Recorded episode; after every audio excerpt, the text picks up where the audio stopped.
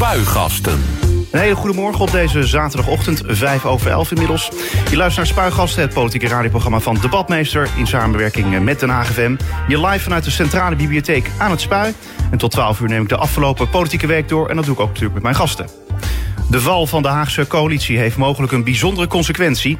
Het kan ertoe leiden dat Den Haag onder financieel toezicht... van de provincie Zuid-Holland komt te staan. Gemeenten moeten namelijk voor 15 november door de gemeenteraad goedgekeurde begroting inleveren. Dat gaat Den Haag niet redden omdat VVD, D66 en GroenLinks met CDA en PvdA onderhandelen over een nieuwe aangepaste begroting. Die onderhandelingen die zijn deze week pas echt van start gegaan en die zijn niet binnen twee weken afgerond. De formateur van de nieuwe coalitie Inwording, Tom de Bruin van D60, die is de gast in Spuigasten. Goedemorgen allereerst. Goedemorgen. Ja, hoe, hoe maak je de tijd een beetje door? Is het heel erg druk nu door die formatie of valt het allemaal wel mee? Nee, zeker. Het is, het is heel druk want er moet natuurlijk snel voortgang geboekt worden. Want het is in ieders belang dat er zo snel mogelijk een nieuw college is. Ja, maar toch nog wel tijd om hier eventjes aan te schuiven. Altijd. Dat vind ik toch wel weer fijn om te horen. Uh, voordat je trouwens uh, in het Haagse actief uh, werd, was Tom de Bruin tien jaar de hoogste Nederlandse vertegenwoordiger bij de Europese Unie. En door zijn achtergrond volgt hij ook de Brexit nog op de voet, als hij daar tijd voor heeft. de Europese Unie die gaf deze week het Verenigd Koninkrijk drie maanden uitstel om tot een Brexit-akkoord te komen. Door de verlenging hebben de Britten tot 31 januari om tot een akkoord met de Europese Unie te komen. En ja, in die procedure zou ook zijn opgenomen dat het Verenigd Koninkrijk eerder uit mag treden als voor die datum een akkoord wordt bereikt. Heb je er nog tijd voor om het te volgen? Ja, ik heb er zeker tijd om te volgen, want het is natuurlijk heel erg spannend. Dat akkoord is overigens bereikt. Het gaat er nu alleen om dat dat akkoord door het Britse parlement moet komen. Nou, dat was niet mogelijk. En daarom heeft uh, de leider uh, van de conservatieven en de Britse premier Boris Johnson heeft nu verkiezingen uitgeschreven. Die vinden plaats op 12 december. En daar zal alles van afhangen hoe het verder gaat. Ja, spannende tijden daar in het Verenigd Koninkrijk, maar dat is eigenlijk al heel lang zo, hè? Dat is al heel lang zo. Dat is al sinds uh, het referendum over uh, de vraag: hè, blijft het Verenigd Koninkrijk in de Europese Unie ja of nee? Al meer dan drie jaar geleden. En ja, het blijft spannend, iedere keer weer. Ja, precies. Uh, een andere gast in dit programma, Peter Heskes... die stopt uh, formeel per 1 januari 2020... als uh, gemeentelijke ombudsman Den Haag en Leidschendam-Voorburg... maar gaat feitelijk volgende week, 7 november, al met pensioen. Heskes is sinds 2008 in dienst van de gemeente Den Haag. Hij begon als directeur stadsbeheer... en werd in 2012 door de raad aangesteld als ombudsman. Als ombudsman werkte hij veel samen met de gemeente... om klachten zo goed mogelijk te behandelen... Peter Heskes is dus de gast om terug te blikken op zijn periode als gemeentelijke ombudsman. Heb je hem vaak meegemaakt? Is hij wel eens bij je aan de deur geweest? Zeker. Wij hadden regelmatig uh, overleg. En dat ging altijd op een buitengewoon prettige manier. Dus daar kijk ik met heel veel plezier op terug. Gelukkig maar. Uh, dat dus straks allemaal in spuigasten. Maar eerst... Het politieke weekoverzicht. En dan beginnen we bij... Maandag 28 oktober. Het kost uh, 27.000 euro om het Malieveld in Den Haag te herstellen. Deze maand liep het terrein twee keer schade op... toen demonstrerende boeren met hun trekkers over het grasveld... de omliggende bermen en de koekamp reden. Landbouwbedrijven gaan binnenkort kosteloos uh, de schade herstellen. Uh, Tom de Bruin, dat lijkt me goed nieuws voor de nieuwe coalitie in wording... want dan hoeven we daar geen geld meer voor uit te trekken, toch? Ja, precies. En ik vind het ook buitengewoon fideel van de boeren... dat ze die schade herstellen. Uh, want ja, er was natuurlijk toch wel behoorlijk wat, wat schade aan het Malieveld aangericht. Maar ik vind het heel netjes en heel plezierig dat ze dat zo hebben opgelost. Ja, nu, nu is het inderdaad fideel van ze. Want ja, ze hoeven het in die zin niet te doen. Zou dat, zou dat niet gewoon moeten verplichten? Van als je een keer op het Malieveld komt en je uh, maakt de hele tijd uh, dat hele terrein daar kapot... dan ga je het ook gewoon zelf voor die schade opdraaien? Nou ja, kijk, ik, ik denk dat hier uh, de boeren een heel goed voorbeeld hebben gegeven voor anderen. Je hoeft niet altijd alles te verplichten. ik denk dat, dat dit een, een prachtig voorbeeld is dat, dat navolging verdient. Dinsdag 29 oktober. Net als landelijke partijen zullen ook lokale partijen meer openheid moeten gaan geven over hun financiën. Tot nu toe zijn er nog helemaal geen regels voor donaties aan uh, deze politieke organisaties. En daardoor is nu onvoldoende duidelijk hoe deze partijen aan inkomsten komen, erkent verantwoordelijk uh, minister Kasia Olongren van Binnenlandse Zaken. Uh, Tom de Bruin, is dat terecht? Ja, uh, allereerst vind ik het buitengewoon jammer dat zij vanwege ziekte uh, nu tijdelijk haar, uh, haar taak moet, moet neerleggen. ik hoop echt dat ze heel snel zal herstellen en vanaf 1 januari weer, weer aan de slag kan. Maar ik denk dat dit inderdaad een, een hele goede, goede zet is. Um, iedereen heeft er belang bij dat er openheid is over de financiering van politieke partijen. Als dat uh, schimmig blijft, dan uh, kan dat ook het vertrouwen in de politiek schaden. Dus ik denk dat dit een hele belangrijke, belangrijke stap is. Ja, uh, en, en als we dan even kijken naar het Haagse voorbeeld. Ik bedoel, uh, Hart voor Den Haag Groep de Mos is zo'n partij... Waar al langer vragen waren over de financiering ervan.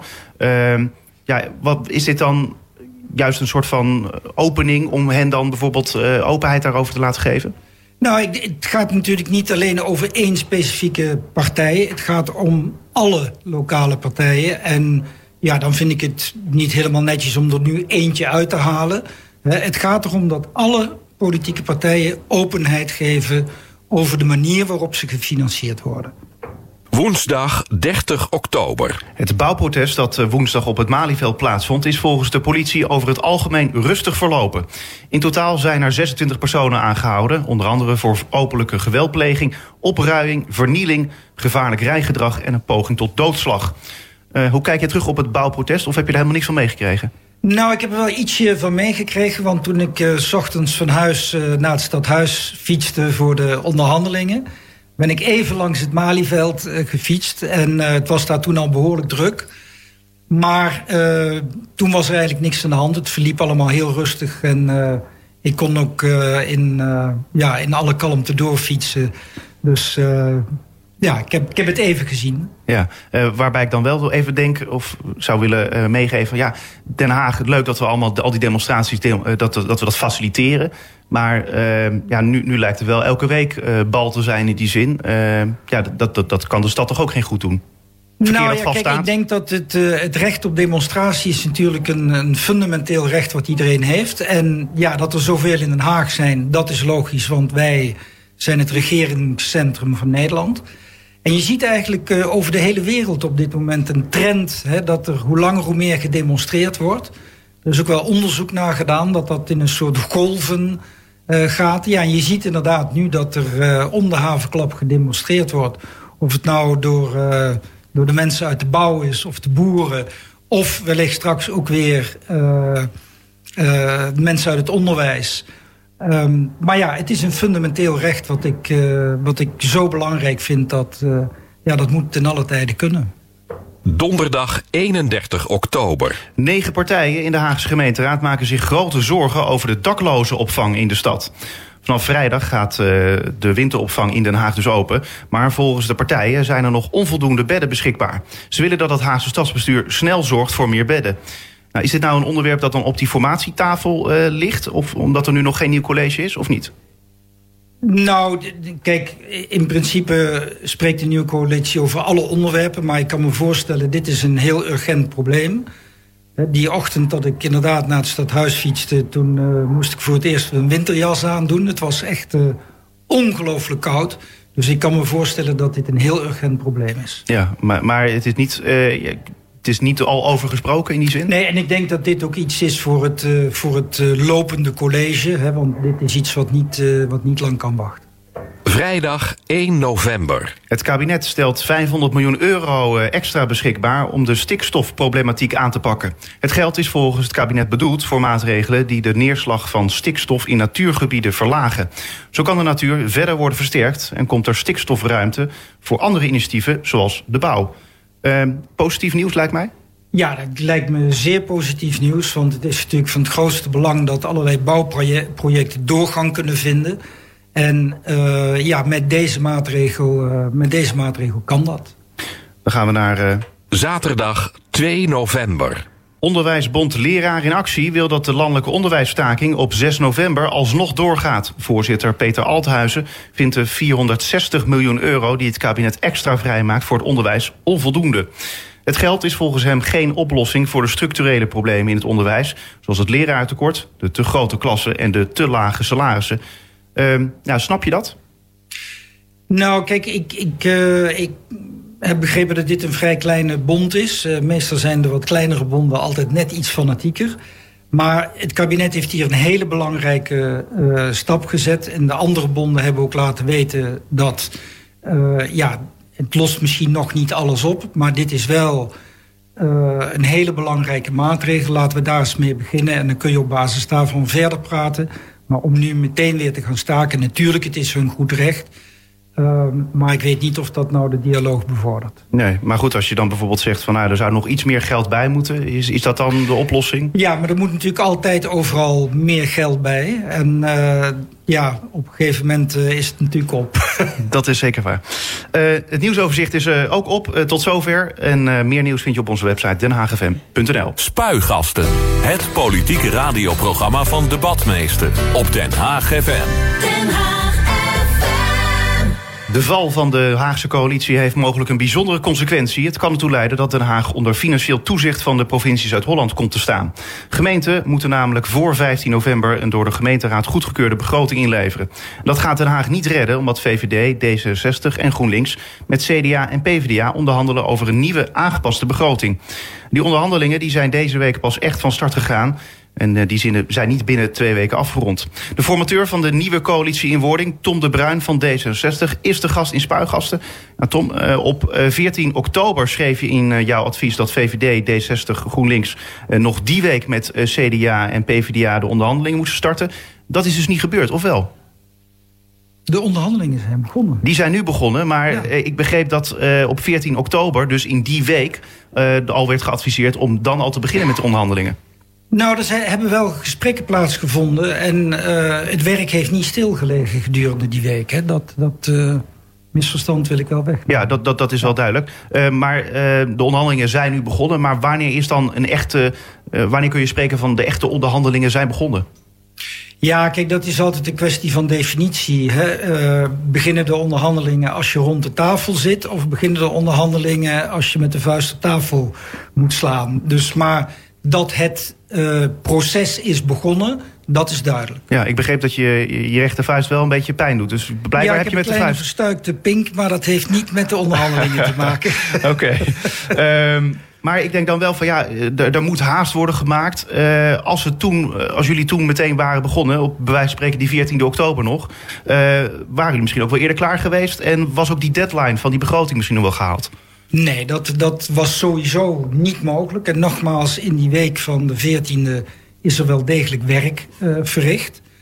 Um, maar die deadline van die 15 november, dat haal je sowieso niet. Dat, dat is niet mogelijk. Dat wisten jullie van tevoren eigenlijk ja, al? dat wisten we van tevoren al. Vandaar ook dat ik dat in mijn uh, rapport als verkenner uh, zo duidelijk heb opgenomen. Ja, uh, het voorstel van Hart voor Den Haag Groep de Mos, de partij die er nu uit ligt in die zin, uh, die, dat was, ja, neem de opgestelde uh, begroting die dus door die vorige coalitie is gemaakt als uitgangspunt en amendeer dan tijdens de raadsbehandeling, zodat je nog wat zaken zou kunnen wijzigen. dan had je misschien wel snelheid kunnen maken.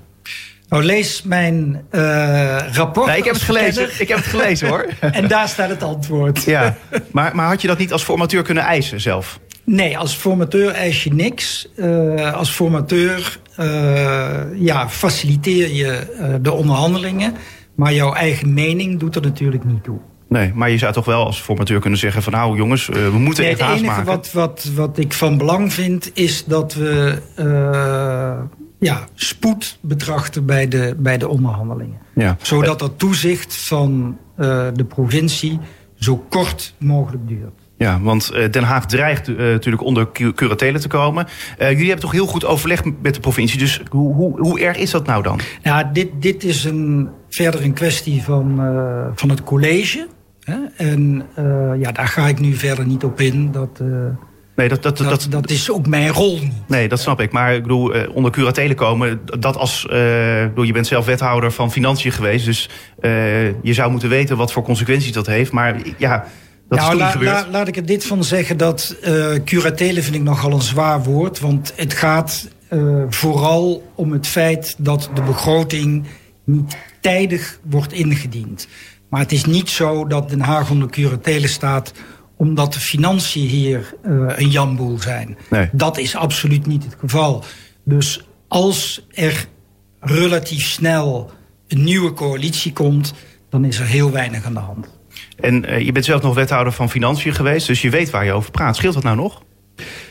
Oh, in de onderhandelingen? Ja, zeker. Uh, het is natuurlijk een voordeel dat, dat uh, je weet uh, waar de dingen over gaan. Dat, dat maakt de gesprekken in de onderhandelingen een stuk makkelijker. Ja. Is dat misschien ook wel de reden dat ze naar jou hebben gekeken nou, als misschien. eerste? Ik heb het ze niet gevraagd, maar dat kan ik me voorstellen. Maar het is niet zo geweest van, nou Tom, jij weet van Wanten. je weet hoe die, hoe, hoe die begroting wordt opgesteld.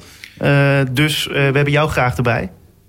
Dat zou heel goed kunnen. De, nogmaals, dat heb ik ze niet gevraagd. Maar ik kan me heel goed voorstellen dat dat een overweging is geweest om mij te vragen. Ja. In hoeverre uh, bemoeit de. Ja, bemoeit is een beetje een negatief woord. Maar bemoeit uh, de waarnemend burgemeester Johan Remkes zich hier nog mee? Nou, daar, daar doe ik even geen uitspraken over. Dat, dat, uh, ja. Het proces loopt nu en ik denk dat het in ieders belang is dat we daar zo weinig mogelijk over zeggen. We hebben aan het begin van het onderhandelingstraject hebben we gezegd... nou, nu even radiostilte. En, ja, dan zit je hier.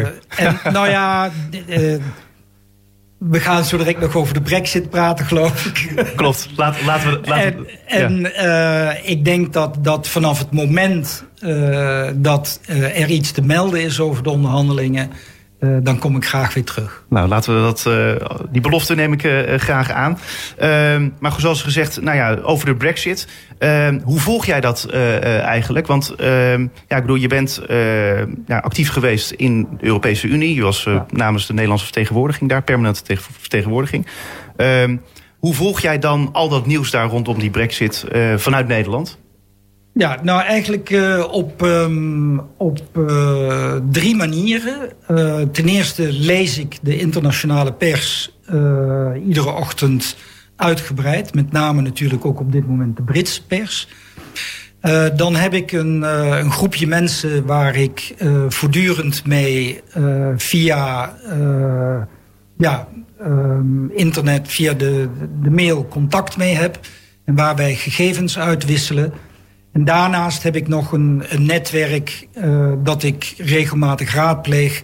door die mensen te bellen of daar naartoe te gaan, daar gesprekken mee te voeren.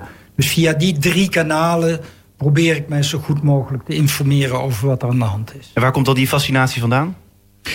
Nou ja, dat was natuurlijk heel lang mijn, uh, ja, mijn wereld, hè, de, de, de Europese Unie. En ja, ik vind het toch wel een historische gebeurtenis dat, een, dat voor het eerst een lidstaat uit de Europese Unie stapt. En dan nog op een manier uh, ja, die voor zoveel uh, interne politieke uh, ophef zorgt in het Verenigd Koninkrijk. Ja, dat is ook een heel boeiend politiek proces. Hè. Ik heb ooit na mijn middelbare school ben ik politieke wetenschappen gaan studeren. Maar ja, dit is natuurlijk wel smullen voor iemand die van politiek houdt. Maar doet het ook niet pijn in het hart? Want je bent D60er, dus je, je hoopt natuurlijk eigenlijk op een, een, een sterke unie... en een, uh, misschien natuurlijk, ook wel zo groot dit, mogelijk. Dit, dit, dit is uh, absoluut uh, een, een hele negatieve ontwikkeling. zowel voor de Europese Unie, ook voor de individuele lidstaten... en ik denk uiteindelijk ook voor het Verenigd Koninkrijk zelf. Want? Het gaat heel veel economische schade aanrichten... En uh, nou ja, je hoeft maar uh, om je heen te kijken wat er in de wereld gebeurt.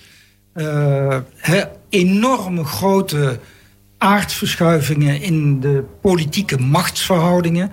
De Verenigde Staten die zich aan het terugtrekken zijn uit delen van de wereld.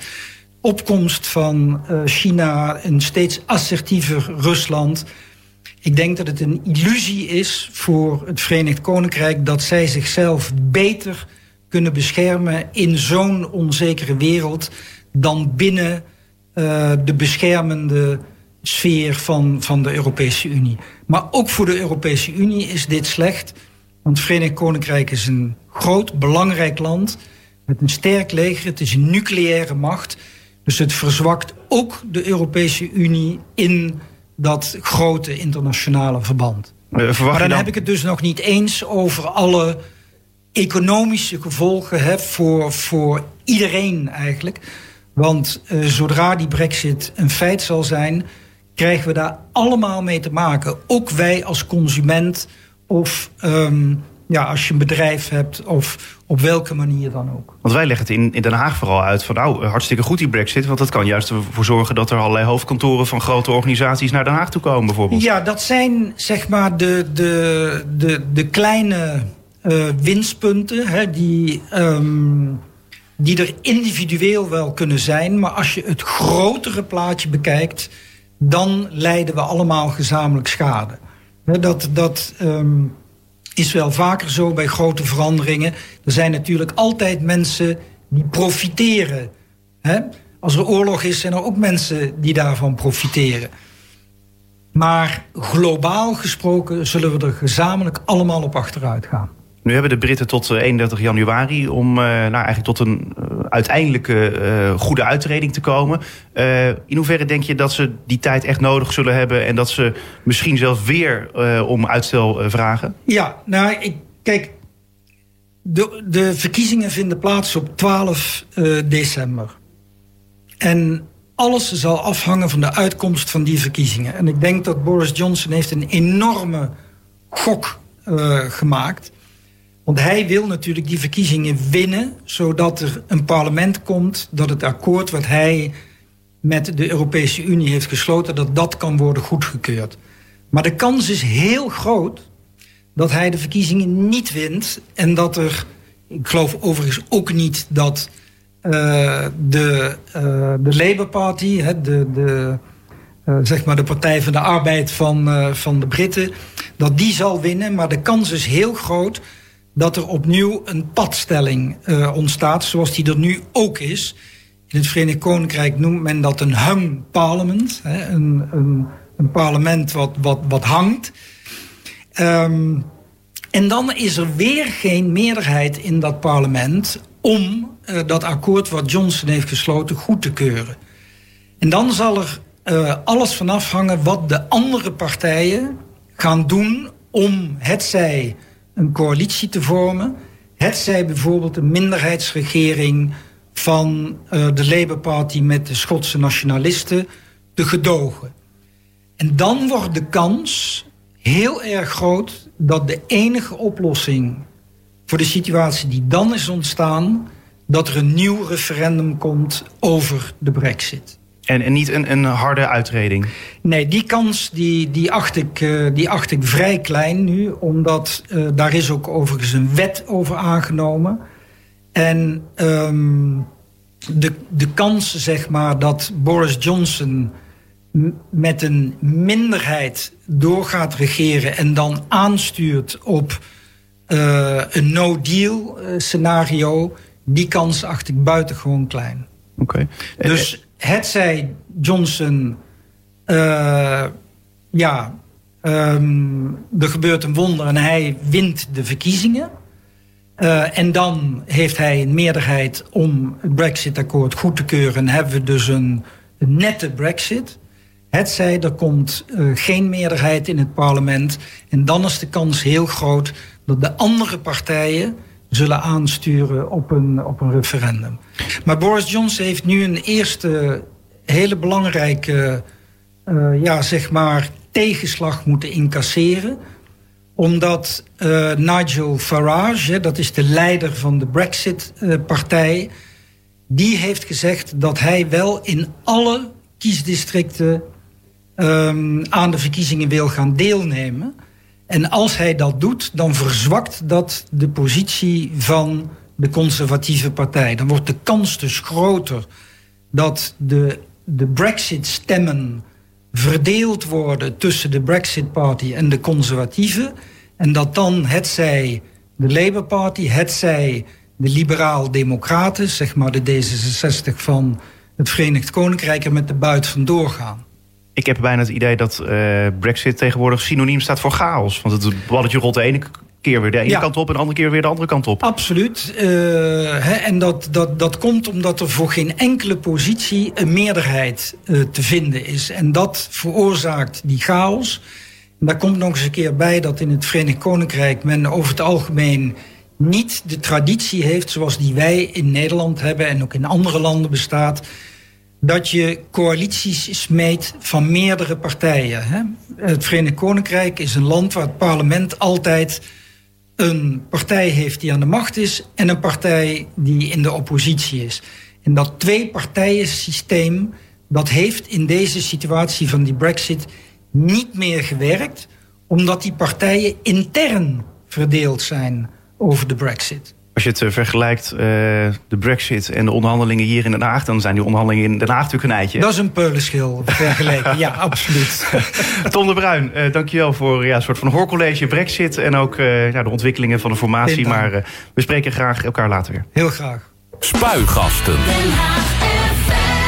Peter Heskes stopt formeel per 1 januari 2020 als gemeentelijke ombudsman Den Haag en Leidschendam-Voorburg maar gaat feitelijk volgende week met pensioen.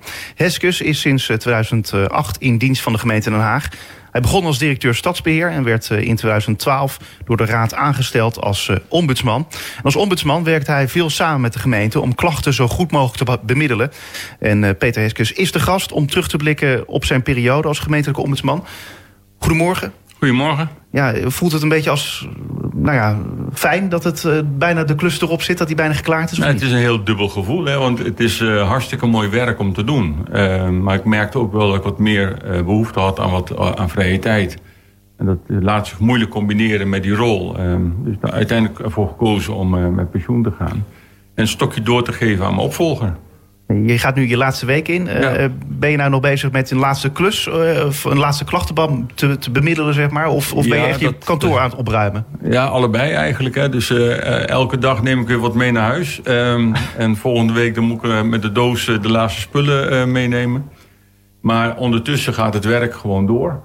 Um, en probeer je nog een aantal klachten op een goede manier af te maken en de zaken zo te organiseren dat het team uh, uh, ermee verder kan. En dat zeg maar, het goed is voorbereid voor de nieuwe ombudsman. Even vanuit ombudsman oogpunt. Zijn er nou hele drukke tijden? Ik bedoel, ja, ik bedoel, dat zien we natuurlijk altijd bij... Als de feestdagen eraan komen, wordt het ineens allemaal wat drukker. Nou, het is, over het algemeen is het klachtenwerk, dat is uh, het hele jaar door blijft het ongeveer hetzelfde. Ook in de zomer? Ja, ook in de zomer. Ik heb niet een uh, hele duidelijke uh, pieken of dalen. Um, die, althans, ze zijn niet toe te, toe te wijzen aan de vakantieperiode of juist met de kerst of juist wanneer mensen ehm, moeten werken. Dus eigenlijk is dat een redelijk stabiel beeld heb ik van, van de klachten. Uh, een van de dingen waar je mee bezig bent geweest uh, de afgelopen jaren is ook het eigenlijk adviseren van de gemeenteraad, of in elk geval het college van Den Haag, de gemeente. een van die dingen was, die, die, ik graag met je wil bespreken, is dat Den Haag moet stemmen anders gaan tellen. Ja. alleen per partij in plaats van per kandidaat. wat, althans, dat is dan op het moment dat die stemmen in eerste instantie meteen worden geteld. wat is er nou eigenlijk met dat advies gedaan? Weet je dat? Ja, kijk, het, het, het, punt was eigenlijk dat het, um, het programma op zo'n verkiezingsdag is zo druk. En dan aan het eind van de, van de dag, eigenlijk al in de nacht, uh, moeten dan uh, de stemmen geteld worden. En, uh, en dat, dat veroorzaakt nog wel eens wat fouten. Um, en je ziet in, in Nederland dat er ook een, een geëxperimenteerd wordt met de stemmen de volgende dag tellen.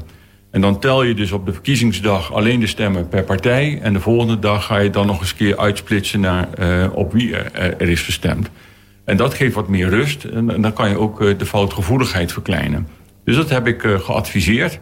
Um, en dat advies is op zich ook wel overgenomen. Bij de Provinciale Staten hebben ze geprobeerd om ook op die manier de, centraal te tellen.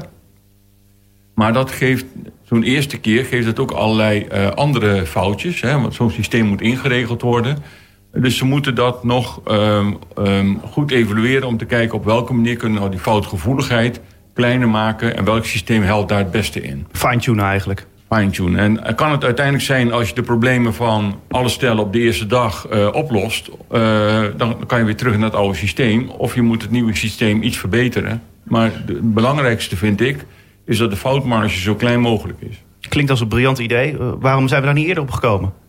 Ja, dat, uh, je ziet dat binnen de gemeente dat soort ervaringen ook wel uh, herkend worden. Uh, alleen dan door de, door de dagelijkse gang van zaken komen dat soort voor, zeg maar voorstellen onvoldoende snel of onderbouwd op tafel. En dan kan het helpen dat een ombudsman vanuit klachten die hij krijgt toch een advies geeft van volgens mij moeten jullie dat wel proberen. Maar het is dus niet zo dat het advies dan ergens in een la uh, wordt gestopt of zo? Nou, dus mijn ervaring is niet dat mijn adviezen in de la gaan. Hè. Dus over het algemeen uh, uh, wordt dat wel opgevolgd. soms wijken ze ervan af.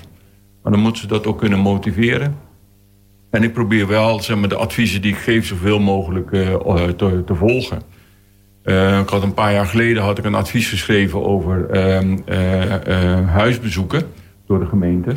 En op welke manier dat zou moeten gebeuren. En het duurde maar en het duurde maar. Dus heb ik in mijn volgend jaarverslag gezegd van jongens, het wordt nu wel tijd dat jullie daar met een, uh, met een nota overkomen. Ja. Dat is toen ook allemaal netjes gebeurd. En dat is omdat we dan het jaarverslag lezen van de ombudsman... en dat, dat die ombudsman zegt van nou jongens, schiet eens een keer op.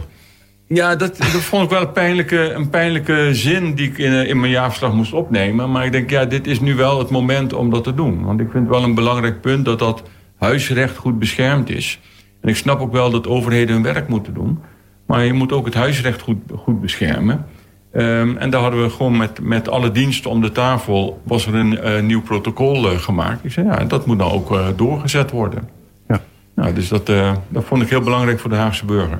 Uh, iets anders eh, waar je adviezen over hebt gegeven. Uh, jullie advies was dat de gemeente meer maatwerk moet leveren voor inwoners. Sinds de gemeente eigenlijk verantwoordelijk zijn geworden voor een aantal zorgtaken. Heeft te maken met de decentralisatie van het overhevelen van zorgtaken van rijk naar uh, gemeente.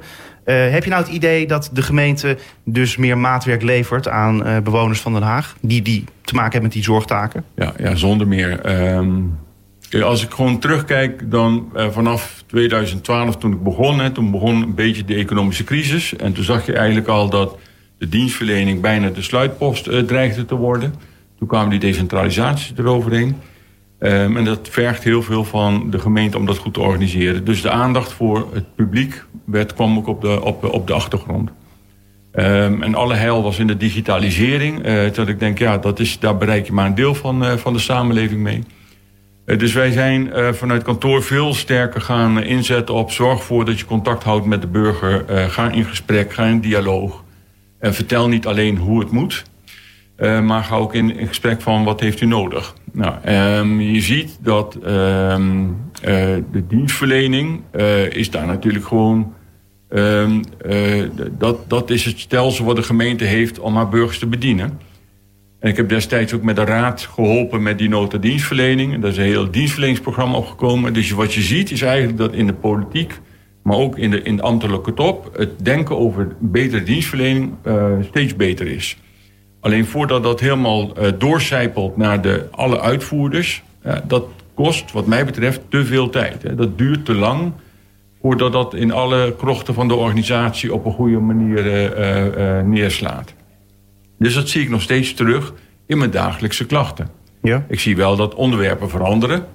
Um, en dat maakt ook, dan zie ik ook dat de gemeente een aantal dingen goed verbeterd heeft. Maar dan komen wel weer nieuwe wetten of nieuw beleid. Uh, en dat moet ook weer ingeregeld worden.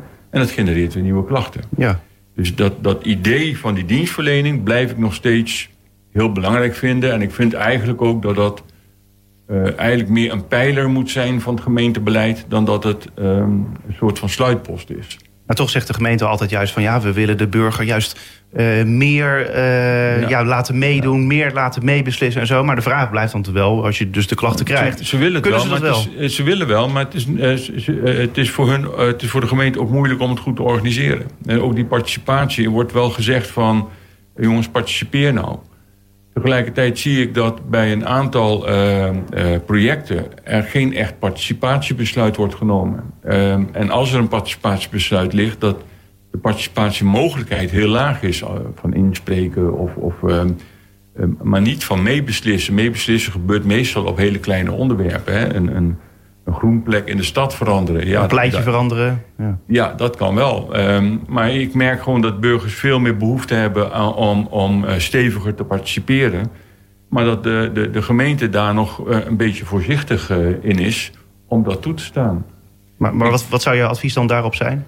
Ja, ik, ik, ja, ik vind dat um, als je als overheid, hè, dus de centrale overheid, maar ook de lokale overheid roept dat je moet participeren dan als effect, wat, wat, het effect wat dan ontstaat... is dat burgers ook gaan verwachten dat over, overheden onderling gaan participeren. En En dat er veel meer samenwerking komt tussen gemeente en de provincie en, en de UWV en op dat soort dossiers. En dan zie je ook dat die overheid moeite heeft om die samenwerking goed te organiseren. Ehm, en dat, dat vinden burgers frustrerend. Dus zij willen, de, de trend is meer participatie. En ik denk dat dat een uh, andere vorm van, uh, van gemeentelijk werk uh, betekent. Dat je veel minder beleidsbepalend moet zijn, maar veel meer faciliterend moet zijn en belangen moet zien te verenigen en naast elkaar te zetten. Ja, we hadden het net over ja, eigenlijk, toename van aantal klachten, juist door die decentralisatie, of in elk geval ja. had te maken ja. met, die, met die zorgtaken. jullie zagen een enorme toename toen, toen die decentralisatie waren, net waren doorgevoerd. Van het aantal klachten over aanvragen van bijzondere bijstand. Daar ging het toen over. mensen die wachten toen soms maanden op antwoord van bijvoorbeeld de gemeente. Uh, terwijl de gemeente altijd binnen acht weken zo'n zo'n aanvraag moest, moest afhandelen. Uh, dat was dan iets wat specifiek op dat moment uh, speelde. Dat neem aan dat dat in de loop der tijd dus een van die voorbeelden is die iets verbeterd door de gemeente? Nou, termijnen is, daar zie je echt een golfbeweging in. Hè? Dus dan, dan lopen de termijnen van de behandeling lopen weer op. En niet alleen bij de WMO, ehm, maar zie je dat op verschillende plekken in de gemeente. De gemeente heeft moeite om de termijnen goed te halen. Dan zie je dat weer langzaam oplopen. Dan nemen ze weer maatregelen. Dan loopt, het gaat weer naar beneden toe. Dan is het weer onder controle en dan loopt het weer eruit. Dus het is, als ik gewoon terugkijk, zie ik gewoon dat ik eigenlijk elke keer om, om, om de zoveel tijd wel weer aandacht moet vragen voor de termijnen. Het is gewoon een golfbeweging. Het is gewoon een golfbeweging, ja. ja. En dat, kijk, Um, het lijkt me heel frustrerend dat je, dat je dus elke keer iets aankaart en dat er dan iets wordt uh, verbeterd. Maar ja, ik kan me ook voorstellen dat je als ombudsman, ja, als er geen klachten meer zouden zijn, dan heb je geen werk meer. Dan moet ja. je sowieso stoppen. Ja, uh. ja, ja, dat kan. Maar dat, dat, dat, zal, uh, dat, zal, dat zal nog een lange tijd duren voordat het zover is. je kunt nooit alle klachten nee. voorkomen. Kijk, um, um, als het gaat om maatwerk, hè, dus wat je ziet is dat uh, we willen meer maatwerk naar, uh, vanuit de overheid. we willen ook bezuinigen. we zien een behoorlijk complex regelsysteem in Nederland. En zeker in het sociale domein wordt het regelmatig wordt het aangepast. Dus als je een complexe regelgeving hebt, een kleine overheid, bezuinigen maatwerk dan wordt het ingewikkeld om dat goed te, om dat goed te laten eh, functioneren. dan is daar, is naar mijn smaak, eh, de burger de dupe van. Dus de, de overheid moet die complexe regelgeving vertalen naar de burgers toe. En als je maatwerk wil, het is gewoon een economisch principe, maatwerk is duurder. Dus je kan niet en bezuinigen en maatwerk. Dus er zitten gewoon ingebakken problemen in het huidige stelsel. Maar dat komt eigenlijk, als ik jou zo hoor, dat komt eigenlijk, is gewoon de schuld van de politiek die het ene willen, maar het andere ook. En dat kan gewoon helemaal niet. Nou, ik, ik, denk, ik denk dat dat, dat dat inderdaad een ingewikkelde uh, combinatie is om en te willen bezuinigen op het, op, uh, aan de voorkant en tegelijkertijd meer maatwerk te willen leveren. Ja. En dat gaat op dit moment, zie je dat de, de gemeente Den Haag ook worstelt met hoe kunnen we dan toch met datgene wat we hebben het zo goed mogelijk doen. Dus er wordt ook heel veel heil gezocht in de, in de digitalisering. Um, en ik denk ook wel dat dat op termijn uh, uh, de goede stap is. Alleen in het hier en nu uh, zijn er best wel grote bevolkingsgroepen die daar nog niet zo makkelijk in mee kunnen. En bovendien zie ik ook dat die gemeentelijke automatisering ook nog niet goed op elkaar is afgestemd. Dus daar is nog heel veel in te doen. Um, maar je zal op dit moment zou je ook nog voor alle burgers van Den Haag zou je de eerste overheid moeten zijn en in gesprek kunnen zijn om dat maatwerk te leveren. Ja. En wat ik ook zie is dat bij burgers soms het idee bestaat van maatwerk. Dat betekent dat ik helemaal alleen zelf kan bepalen wat ik nodig heb. Um, dat is niet helemaal wat um, met, met maatwerk wordt bedoeld. En dan krijg je weer die verwachtingsverschil en die frustratie. Ja. Uh, ik moet meteen denken eigenlijk aan wat de Nationale Ombudsman uh, deze week uh, zei ja. op het Nationale Jaarcongres. was eigenlijk van ja, de, de, als ik bijvoorbeeld eh, een kapotte koelkast uh, heb, dan zou ik gewoon naar het gemeenteloket moeten kunnen lopen en dat de gemeente mij dan gaat helpen uh, ja. om ja, te zoeken naar een oplossing voor die kapotte koelkast. Niet zozeer dat de gemeente dat moet gaan regelen, maar gewoon je eigenlijk doorverwijzen naar een juiste instantie die dat dan voor je kan regelen. Er zijn heel veel mensen die, nou ja, bij wijze van spreken bij de gemeente terechtkomen, die daar helemaal niet horen en die worden dan boos, gefrustreerd. Omdat de gemeente zegt van ja, sorry hoor, maar daar gaan we niet over. En dan gewoon weer de hoorn op de haak leggen. Ja, ja. Ja, kijk, um, over het algemeen weten uh, mensen best wel waar ze in grote lijnen moeten zijn. Als ze zich, als, uh, als ze zich bij de overheid melden met een bepaald probleem, dan vind ik ook dat de overheid goed moet doorverwijzen. Um, ze komen ook bij mij uh, op mijn spreekuur dat ze een, een kapotte ehm, telefoon hebben en een probleem hebben met de, met de phone shop of zo. denk ik, ja, weet je, daar kan ik je niet mee helpen. Kan je wel naar de Consumentenbond of um, op een andere manier doorverwijzen.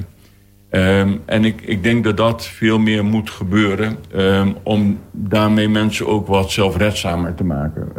En niet dat je ze eigenlijk uh, naar, naar het volgende loket stuurt zonder dat, zonder dat je zeker weet dat ze daar geholpen kunnen worden. En, maar dat vind ik toch, dat is toch gewoon iets wat in de hoofden van de mensen zit. En bij die ambtenaren die achter die balies zitten. En die mensen die, die eigenlijk zijn opgeleid om mensen te helpen, maar vervolgens niet mensen helpen, maar doorverwijzen. Ja, ja. Um, Daar moet toch een cultuuromslag dan komen? Ja, daar, moet ook een cultuuromslag komen. Um, kijk, je kan niet als overheid uh, alle. Je, je, um, uh, je moet ook de vragen die, aan die naar de overheid komen, mag je een beetje richten. Dus als uh, bepaalde vragen moet je niet bij de balie willen stellen. dan moet je andere weg voor bewandelen. op het moment dat het wel met de overheid te maken heeft, moet je wel goed verwezen worden. Het liefst zou je willen, uh, zeker bij een instituut als de gemeente, dat je één gemeentelijk portaal hebt waar een burger naartoe kan en dat het dan achter dat portaal de gemeente onderling met elkaar uitmaakt van op welke manier kunnen deze meneer of mevrouw het beste helpen. Dus dat is eigenlijk dat pleidooi van de Nationale Ombudsman ja. voor dat uh, gemeentelijke hulploket dat elke gemeente zou moeten krijgen. Dat zou ja. hier in Den Haag ook moeten zijn. Ja, ja, dat vind ik wel. Ik vind dat er te veel energie gaat in, uh, in, uh, in die taakverdeling. En dat de ene dienst zegt je moet bij de andere dienst zijn. Terwijl het wel dezelfde gemeente is. En ik vind dat de gemeente daar veel meer verantwoordelijkheid voor moet nemen. Van dat zij hun taken op een handige manier organiseren. Dat is hun probleem. Daar moet je de burger niet mee lastigvallen. En nu komt de burger met een probleem. En het wordt allemaal uh, sectarisch en, per segment wordt het, wordt het opgelost. En het is nog best moeilijk om die onderlinge samenwerking van de grond te krijgen. Ja, op zich eh, snap ik het vanuit uh, inwoners die uh, nou, een probleem hebben. Ja. Uh, dan loop je vaak tegen, juist tegen de overheid op. Of dan, dan ja. krijg je ermee te maken. Ja. anders, als je geen problemen hebt bij wijze van spreken... Ja, dan is het allemaal prima, toch? Ja, ja, maar het is juist die doelgroep um, uh, die, uh, die wel uh, problemen hebben. Dus zeker als je bijvoorbeeld praat over de schuldenproblematiek... dan zie je dat je met zoveel overheden te maken hebt. En die mensen moet je veel beter ondersteunen vanuit de overheid. Um, nu, ze hebben het al moeilijk. En om hun probleem op te kunnen pakken... wordt alleen maar nog maar complexer gemaakt. Want je moet naar de nationale ombudsman, naar de gemeentelijke ombudsman... je moet naar de provincie toe, je moet naar regionale belastinggroep toe. Je moet naar zoveel uh, verschillende instanties toe om je probleem uh, onder de aandacht te brengen. En daar, daar mis je dan echt één case manager of één contactpersoon voor de overheid die dat voor jou regelt. Ja. in hoeverre, hoe staat het nu met de, ja, de, de burger in relatie tot de, tot de overheid, de gemeente? hoe groot is die, kloof, is die kloof alleen maar groter geworden volgens jou de afgelopen jaren in Den Haag of juist kleiner? Of is het veel te ja, bazaal? Het, het, het is, um, ik, ik denk dat... Um, ik, ik zie dat de gemeente um, meer energie uh, steekt in het uh, contact met, uh, met de burger. Hè. Dus ook de, de keukentafelgesprekken. ik zie dat er meer aandacht komt voor wat is nou de bedoeling. dus in, in, de, in de, de mainstream is voor, is voor mij wel redelijk positief. Positiever dan toen we, wanneer jij begon als ombudsman? Ja, toen zag ik, um, ik zat mijn jaarverslag nog even terug te, uh, te lezen. En toen zag ik al in mijn eerste jaarverslag dat ik denk van ja, dat contact met die burger moet beter. De dienstverlening moet beter. Door die economische crisis komen andere mensen in de problemen. En eigenlijk zie je dat als trend, zie ik steeds in mijn jaarverslagen terugkomen van gemeente. Zorg ervoor dat je contact met de gemeente, met de, met de burger goed op orde houdt. En ik denk dat dat nog wel een tijdje een, een, eh, een, een belangrijk probleem zal, zal blijven, omdat die samenleving zo aan het veranderen is. Dus de, de, de, de, de, omgeving blijft niet hetzelfde. Um, en er moet gewoon veel meer, uh, die dialoog moet veel meer gezocht worden. Uh, ik zie vaak wel dat er wat meer contact is, maar er wordt meestal alleen gezegd wat er niet kan. Terwijl een dialoog is juist van ehm, wat is nou precies het onderliggende probleem en wat kan wel en wat kan niet. Ja, hoe kunnen we dat maar oplossen? Ook wat, wat wel kan, dat, daar wordt te weinig aandacht aan besteed. Ja. Een van de laatste eh, onderwerpen die ik met je wil bespreken Ja. is eigenlijk eh, dat eh, eigenlijk in het hier en nu dat de huidige coalitie die wilde eh 35 miljoen bezuinigen op de zorg om de zorg ook efficiënter te laten werken. Ja. Nou hebben we het net al gehad over het efficiënter maken en dat. Ja. dat het dan misschien wel kan leiden tot meer klachten. Eh, het ging weliswaar om, om een bezuiniging eh, of een besparing van 6% op het totale zorgbudget. Maar toch vrees jij dan, als je dan zoiets hoort, meteen al toename van het aantal klachten? Nou ja, we hebben, we hebben al best wel veel eh, klachten, en relatief veel klachten over, over de, de maatschappelijke ehm, eh, onder- eh, ondersteuning en de participatie. Ehm, dus in, in dat opzicht ben ik wel blij dat er nu aandacht komt voor dat probleem, omdat ehm, ze hebben destijds een bepaald budget meegekregen. En dat was toen eigenlijk al bekend dat dat eh, te krap was. Dus we hebben geprobeerd om dat zo goed mogelijk te organiseren. Maar nu zie je ook met de aanbestedingen, die aanbestedingen op zich wel gaan. Maar ook de rechter heeft uiteindelijk gezegd, ja, met de jeugdzorg, daar gaat gewoon te weinig geld eh, naartoe. Ja, als je daar te weinig geld in stopt, of te weinig geld voor over hebt, dan moeten ze ergens moeten ze, eh, gaan, gaan, gaan, gaan knijpen. En dan zie je dus ook dat termijnen oplopen ehm, en dat er onduidelijkheid on- ontstaat. Of dat er ehm, die, die, die zogenaamde eh, ehm, zorg van een schoon, een schoon huis in plaats van uren. Ja, voor mij is dat nog steeds een verkapte uren eh, discussie. Eh, want je krijgt maar zoveel budget waar je maar zoveel uur van kan, kan, kan inhuren. Nou, dus ik, ik denk echt dat. ik ben wel blij met die ontwikkeling dat het nu dominant op de agenda staat. Net zo goed als voor de daklozen. Hebben we ook een brief over geschreven van jongens, let op. Wij zien steeds meer daklozen op het spreekuur komen. Het gaat niet goed met deze groep. Ja, dus ik ben nu echt blij dat het, eh, dit soort dingen nu open, ook in de landelijke politiek, bespreekbaar zijn gemaakt. Eh, tot slot, eh, de gemeentelijke ombudsman ja, die geeft gevraagd en ongevraagd advies Ja. natuurlijk aan die gemeente. Wat is nou jouw laatste advies aan die gemeente? Ja, ja, ja, ja, ja. Ik zie je glimlachen. Ja, ja, ja. Ehm, eh, ja, daar kunnen we nog wel een tijdje over doorpraten. Nee, kijk, mijn, mijn belangrijkste advies is: zorg dat je in contact blijft met je burger. Ah, eh, daar, haal je, daar, daar hoor je wat er speelt. En dan kan je ook meebewegen met de maatschappij. En anders blijf je ehm, in je eigen ehm, ja, systeembubbel zitten. En dan eh, mis je het contact met, met de buitenwereld. Dus ik vind echt dat contact met die burger...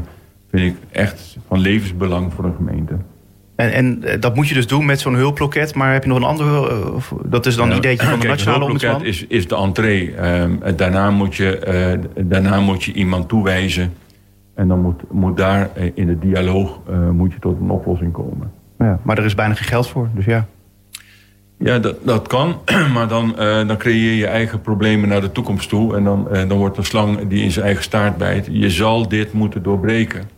En dan zal je zeg maar, creatieve, eh, creatiever eh, moeten omgaan met de mensen en middelen die je hebt. En eh, hoeveel ruimte je overlaat voor participatie. En welke rol je daarin wil spelen. Al- ja. Veel meer een faciliterende rol wat mij betreft dan een beleidsbepalende rol.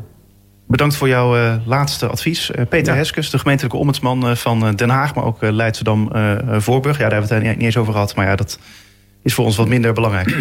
Nou ja, Excuus. voor mij is het wel belangrijk. Kijk, je ziet ongeveer dat alle gemeentes met dezelfde type problemen worstelen. Ja, precies. Ja. Dus eigenlijk praten we dan toch nog een beetje namens Leidschendam-Voorburg. Peter Heskes, eh, desalniettemin eh, bedankt. En eh, ga lekker genieten van je, van je vrije tijd, zou ik zeggen. Dankjewel. En dit was Spuigasten voor deze week. Volgende week ben ik er natuurlijk weer.